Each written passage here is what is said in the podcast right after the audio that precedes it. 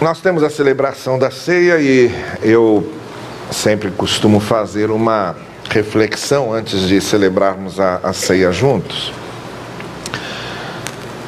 Quando nós estávamos pensando aqui eh, nos cultos da noite sobre a primeira carta de João, e quando chegamos no capítulo 3, verso 23, eu havia dito aqui que eu considerava o, o verso 23 do capítulo 3 da primeira carta de João o resumo, o melhor resumo do Evangelho. Melhor até que João 3,16. Para mim, ele é mais completo ainda, porque ele diz que o Evangelho é conhecer Jesus, Filho de Deus, e amar os outros. E eu disse aqui, naquele momento, que o resumo do Evangelho é exatamente isso.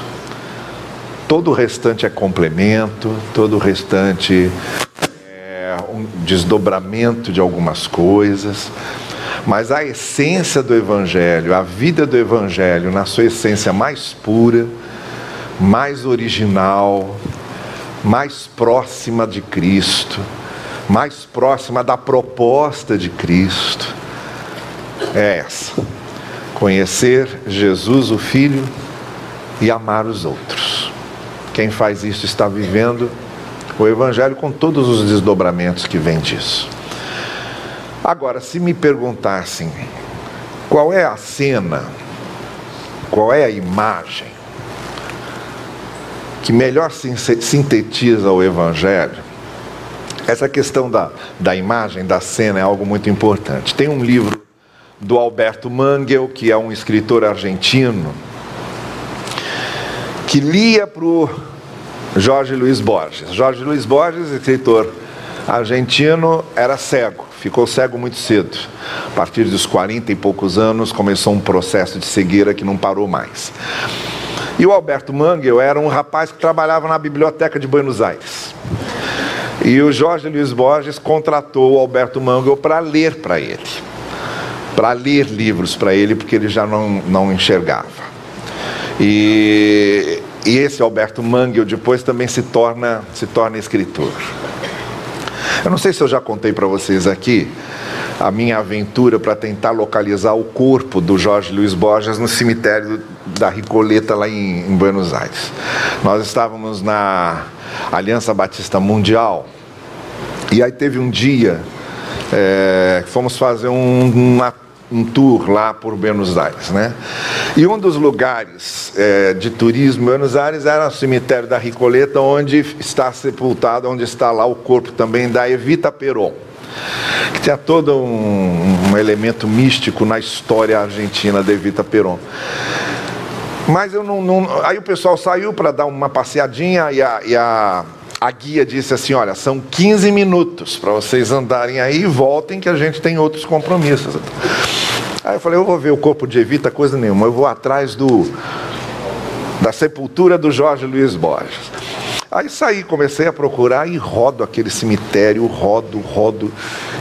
Onde será que está? E passei pelo da Evita, que não me interessava. E fui, fui nada Aí os 15 minutos voaram, eu não percebi, e eu lá dentro procurando o corpo do Jorge Luiz Borges para ver a sepultura. Foi um escritor que eu sempre gostei muito.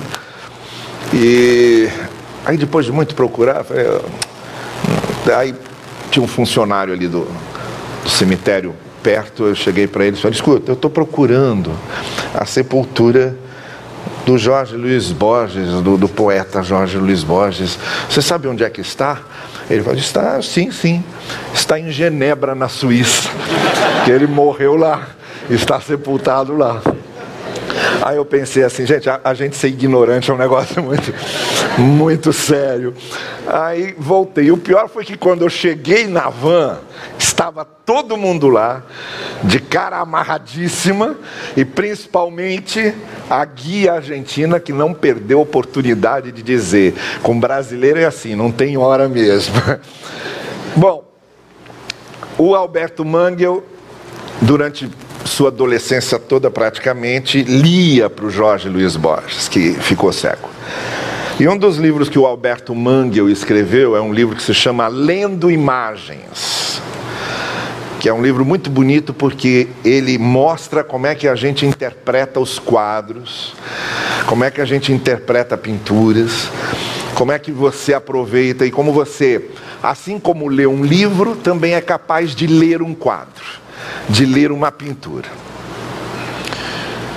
Então, com essa ideia de qual seria o quadro, qual seria a imagem, uma cena bíblica que resumiria a mensagem do Evangelho, seria a cena de Cristo lavando os pés dos discípulos. Há pinturas várias sobre essa cena, principalmente da Renascença. Mas aquela cena de Jesus lavando os pés dos discípulos, o quadro mental de Jesus indo discípulo por discípulo e lavando seus pés, no meu entender, é o resumo visual do que é o Evangelho. E por que é que eu estou tratando disso? Não só porque é o momento da ceia, Jesus lavou os pés dos discípulos antes de celebrar a ceia com eles, no episódio como narrado por João, porque cada evangelista narra o episódio da ceia num certo contexto. João narra o episódio da ceia nesse contexto do lava-pés. É o único, aliás. Os outros três evangelhos não falam do lava-pés, só, só, só João é que fala. Mas no ano passado, Nessa época que antecedia o Natal, nós refletimos muito sobre autodoação. Eu sei que vocês não lembram praticamente de nada que eu digo aqui, mas alguém lembra dessa série Autodoação? Levanta a mão quem lembra, deixa eu ver. É, tem alguns que lembram. Então, nós falamos sobre a questão da autodoação. Que o Natal é o seguinte: Jesus se autodoou e a mensagem do Natal, então, é que nós nos autodoemos. Nós vamos voltar a essa cena, só que a partir dessa imagem do lava-pés. Para mim, o ano praticamente já acabou. Já estamos em 2020. Então a gente já vai começar a tratar do Natal agora, porque estamos praticamente às vésperas do Natal. E hoje, nesta ceia, eu vou começar a refletir com vocês nos nossos domingos pela manhã sobre esse quadro de Jesus lavando os pés dos discípulos. É uma cena pascal. Não é? Normalmente essa cena é lembrada na Páscoa, porque a cena antecede a morte e a ressurreição de Jesus, ali no Evangelho de João, da mesma forma. Logo depois de lavar os pés dos discípulos, vem os discursos que Jesus fez, vem a traição de Judas e aí se dá a paixão, a morte e a ressurreição. Mas apesar do texto de ser uma cena pascal, nós vamos torná-la numa cena de Natal também.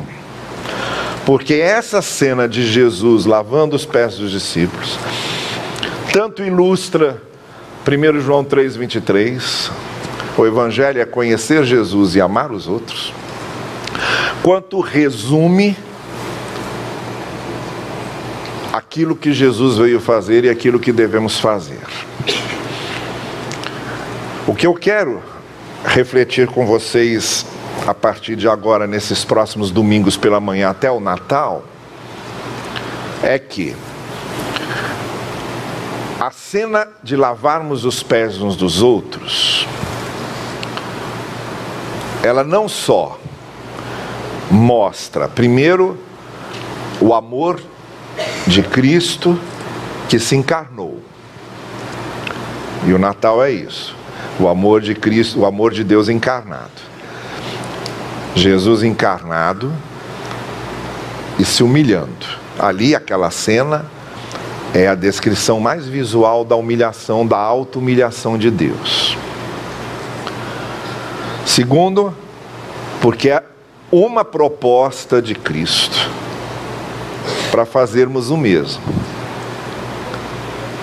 Ele diz: Assim como eu lavei os pés de vocês, vocês devem lavar os pés uns dos outros. Só que aí vem o problema que a gente sempre pergunta quando está diante de um texto bíblico. É para isso que existem os pregadores. Se as pessoas não perguntassem o que, que isso tem a ver com a minha vida, não era preciso pregadores. Se ficasse muito claro para a gente por que é que isso é importante para mim e como é que eu vivo isso aqui na prática, não era preciso pregar o Evangelho. A gente prega o Evangelho e a gente prega a palavra, porque as pessoas sempre perguntam: o que é que isso tem a ver comigo e como é que eu vivo isso? Então é óbvio que Jesus Cristo não quer que nós cheguemos aqui aos domingos, peguemos bacias, todo mundo tire os sapatos e comecemos a lavar os pés uns dos outros. Primeiro, porque não é o nosso costume. Isso era um costume oriental. Nós não temos nenhuma obrigação de importar costumes. Isso era um costume oriental. A pessoa chegava na casa de alguém, o hospedeiro, as boas-vindas do hospedeiro não era dar cafezinho. Era justamente pedir a um empregado, a um criado, que lavasse os pés da pessoa que chegava da rua. Não é? A pessoa chegava com os pés cheios de poeira, com os pés sujos, eram sandálias que as pessoas usavam. Então, uma maneira de dar as boas-vindas era lavar os pés dos convidados. Os servos lavavam os pés dos seus senhores quando os senhores também chegavam em casa. Era um costume. Então, lavar os pés uns dos outros não quer dizer que a gente agora tem que ficar lavando os pés uns dos outros literalmente. Óbvio que não. Isso é um costume de lá, não é nosso costume. Não é? Mas quer dizer um monte de coisa. Em termos práticos, para o nosso dia a dia, para a nossa vida, lavar os pés uns dos outros quer dizer um monte de coisa. E quer dizer tanto que nós vamos precisar de pelo menos de agora até o Natal para a gente tentar ver o que é lavar os pés uns dos outros do maior número de ângulos que pudermos com maior pontos de vista que pudermos ter sobre o que é cumprir isso que Jesus, porque é sério, se Jesus disse, assim como eu lavei os pés de vocês, vocês devem lavar os pés uns dos outros. E se não é esse literalismo, que foi o que eu disse ontem, por exemplo, na formatura do seminário. Quando eu falei lá na formatura do seminário, eu disse: o grande problema nosso quando a gente lê a Escritura, um dos grandes problemas é a gente querer literalizar tudo, ser literal. Isso é um, uma tentação que a gente sempre tem que evitar. Aí, um dos riscos de interpretarmos erroneamente a Escritura é sermos literais. Só os fundamentalismos são literais. Fundamentalistas são muito literais. Querem a coisa ao pé da letra. Os fariseus legalistas do judaísmo também eram.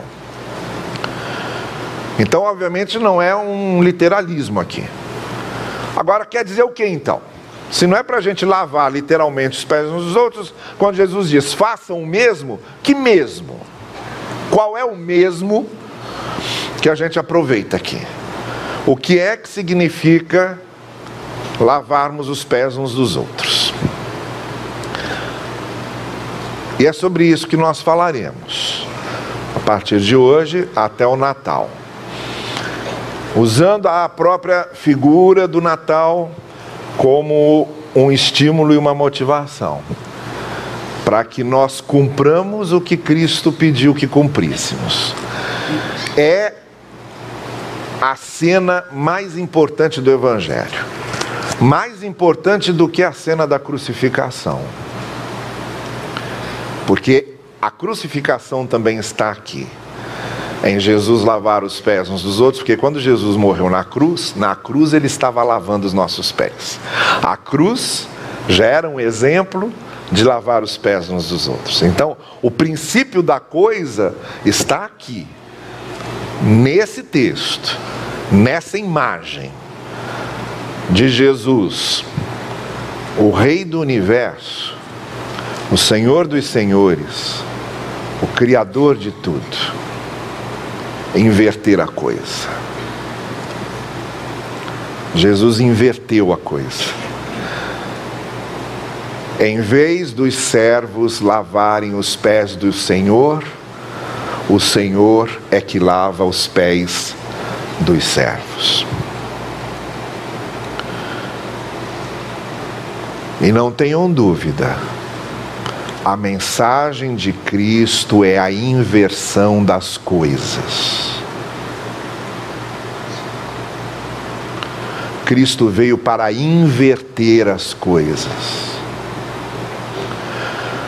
Quanto mais a gente se aproxima da essência do Evangelho, mais claramente a gente vê que Jesus veio inverter o que parece natural.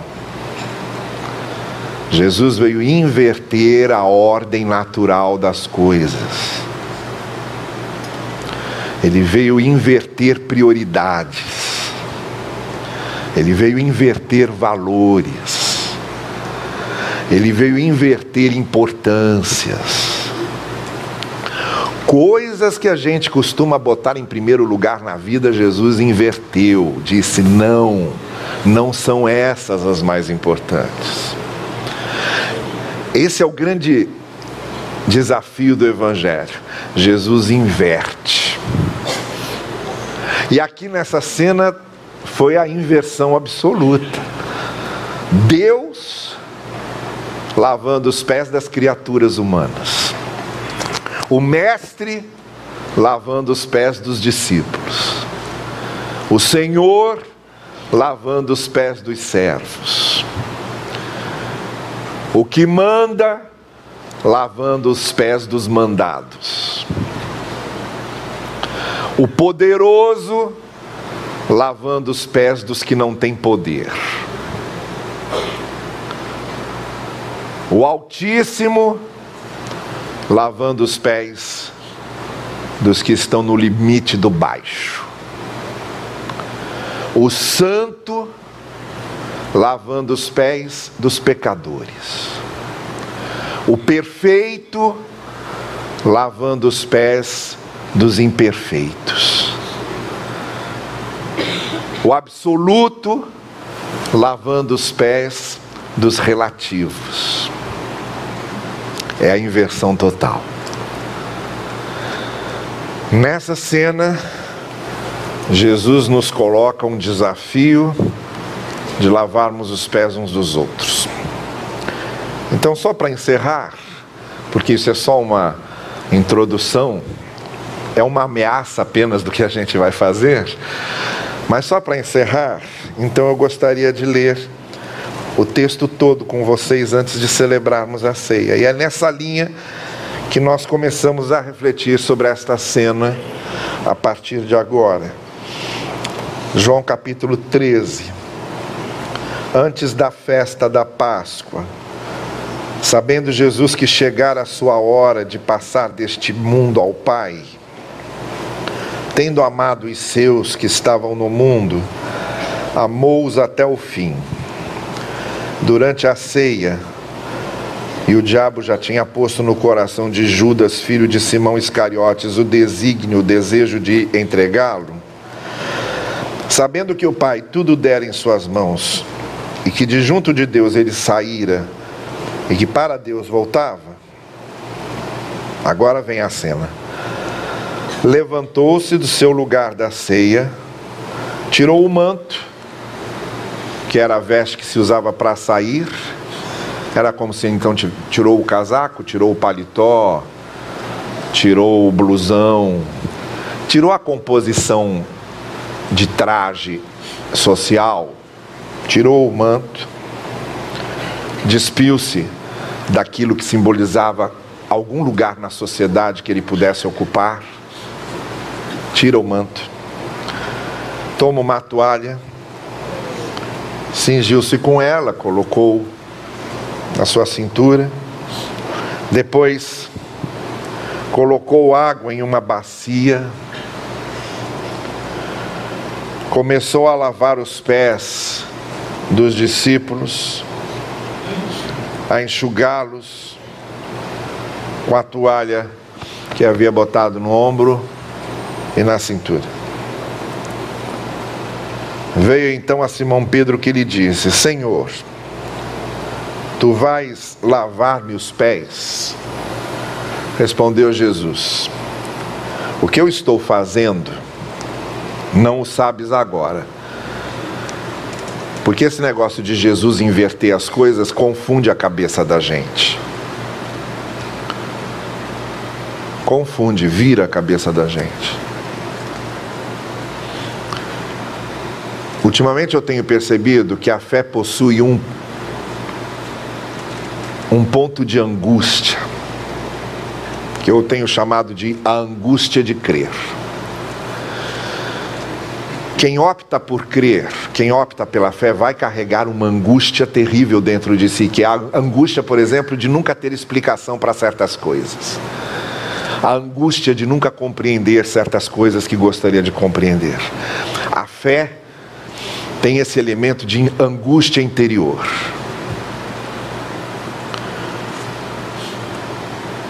Um pai e uma mãe que estão com um filho muito doente e que ficam orando para o filho ficar curado. E o filho morre. Aí os pais começam a perguntar: por que Deus permitiu, por que Deus não ouviu nossa oração, por que Deus ouve certas orações e não ouve outras. Por que Deus fez isso? Por que Deus permitiu isso? A fé carrega esse elemento de angústia, de incompreensão. E, quando Jesus faz certas coisas, ele ele mexe na nossa cabeça de maneira que a gente fica meio perplexo, como esse, como Pedro ficou. Aquilo estava indo contra tudo que Pedro conhecia de mundo, de ordem das coisas. Pedro fica chocado, perplexo, porque Jesus estava mudando a ordem das coisas. Como é que é isso? Então por isso ele diz: "Que é isso? O mestre vai lavar os pés dos discípulos?" Tu vais lavar meus pés? Aí por isso que Jesus responde: Olha, o que eu estou fazendo agora não dá para entender. Eu sei que é confuso, eu sei que inverte ideias, eu sei que muda prioridades e sei que vocês vão carregar essa angústia de não compreenderem muita coisa e de não aceitarem. Mas depois ficará claro. O problema do depois é quando.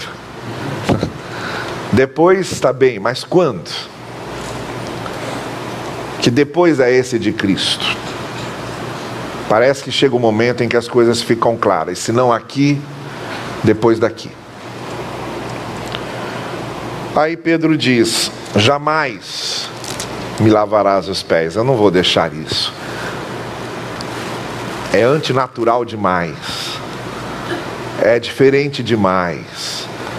É novo demais para mim. Eu não vou deixar isso. Aí Jesus respondeu: Olha, se você não me deixar lavar seus pés, não terás parte comigo. Porque eu estou justamente nas coisas que parecem estranhas. Quem se propõe a seguir-me precisa estar preparado para participar das coisas que parecem estranhas. Porque eu não obedeço a ordem de vocês, a prioridade de vocês, não obedeço o esquema mental de vocês. Então, quem não vier no meu esquema não consegue participar daquilo que eu tenho. Vocês agora têm uma grande decisão a tomar de Jesus. Ou ficam com o esquema de vocês, com a ordem de vocês, ou vêm na minha ordem que nem sempre é compreendida e que causa essa angústia. Mas se não for assim, vocês não terão parte comigo.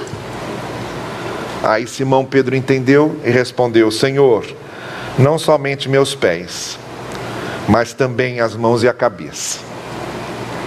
Disse-lhe Jesus: Quem já se banhou não tem necessidade senão de lavar os pés. O principal já aconteceu com vocês, agora é uma questão de se adaptarem ao meu esquema, se adaptarem às minhas prioridades. O mais difícil já foi, vocês estão redimidos, agora vocês vão se ajustar àquilo que é prioritário para mim e para o Evangelho. Vocês já estão puros, mas não todos. E Jesus estava se referindo a Judas. Quando terminou de lavar-lhes os pés, verso 12, retomou seu manto, voltou para o seu lugar e disse-lhes: Vocês compreenderam o que eu fiz? Vocês me chamam mestre e senhor e dizem bem, pois eu o sou. E agora é que vem elas. Chamar Jesus de mestre e senhor, todo mundo pode e é fácil. Mas aí vem isso. Se vocês me chamam de mestre e senhor e dizem bem que eu o sou, se eu, o senhor e mestre, lavei os pés, também vocês devem lavar os pés uns dos outros. Eu dei um exemplo, eu dei um exemplo que vocês devem seguir. Um exemplo que deve ser seguido. Para que assim como o que fiz, vocês também façam. Na verdade, eu digo: o servo não é maior que seu senhor, nem o apóstolo maior que aquele que o enviou. Eu sou maior que o servo e eu sou maior que o apóstolo de Jesus, mas eu lavei os pés dos servos e lavei os pés dos apóstolos. E aí o verso 17 fecha. Se vocês entenderam isso, serão bem-aventurados se o fizerem. O texto é desafiador, é tremendamente desafiador. E o que Jesus propõe é tão desafiador e a gente engole com tanta dificuldade e passa com tanta dificuldade que para digerir isso aqui a gente precisa de alguns domingos. E é alguns domingos que a gente vai usar para digerir direitinho o que Jesus quis nos dizer quando disse: vocês devem lavar os pés uns dos outros. Que o Senhor assim nos abençoe.